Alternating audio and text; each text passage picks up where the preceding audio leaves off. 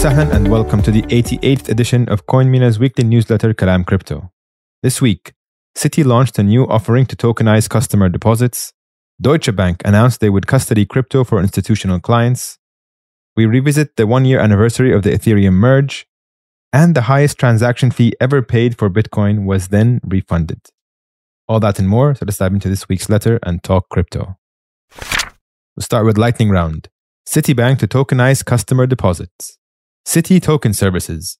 A new offering from Citibank will convert customers' deposits into digital tokens, enabling instantaneous global transfers.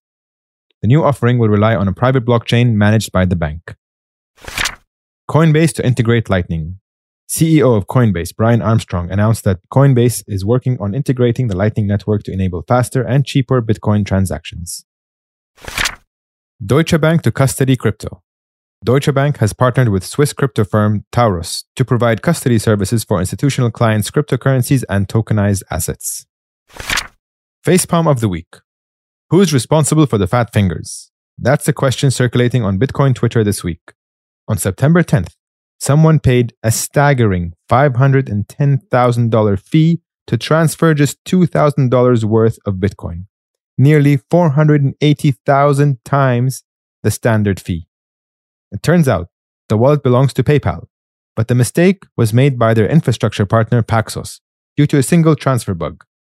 Fortunately, the Bitcoin miner who received the excessive fee agreed to refund Paxos 19.8 Bitcoin, sparing them significant financial loss, though not the accompanying embarrassment.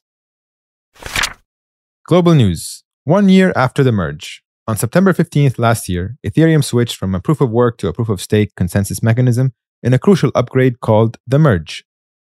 The shift to proof of stake has made Ether a deflationary currency and reduced Ethereum's energy consumption by 99%. Since the merge, 11.5 million ETH have been staked and 362,000 new validators have joined the network. Tweet of the week comes to us from Charlie Bilello. The tweet shows the investment returns of the last 10 years. Bitcoin has returned 21,250% over the last 10 years. Nvidia in second place has returned 11,742%. In case you need a reminder, Bitcoin is king.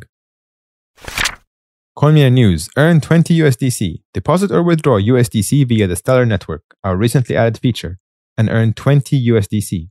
Act now. This offer is limited to the first 1,000 CoinMina users to complete such deposits or withdrawals. Terms and conditions apply. See full campaign details in this blog post. We'll include a link in the show notes. Quiz Corner. Last week's question Who founded the Stellar Development Foundation, which oversees the Stellar Network? The correct answer is Jed McCaleb. This week's question What can users earn by depositing or withdrawing USDC via the Stellar Network? 10, 15, 20, or 25 USDC? I'll tell you the answer in next week's episode.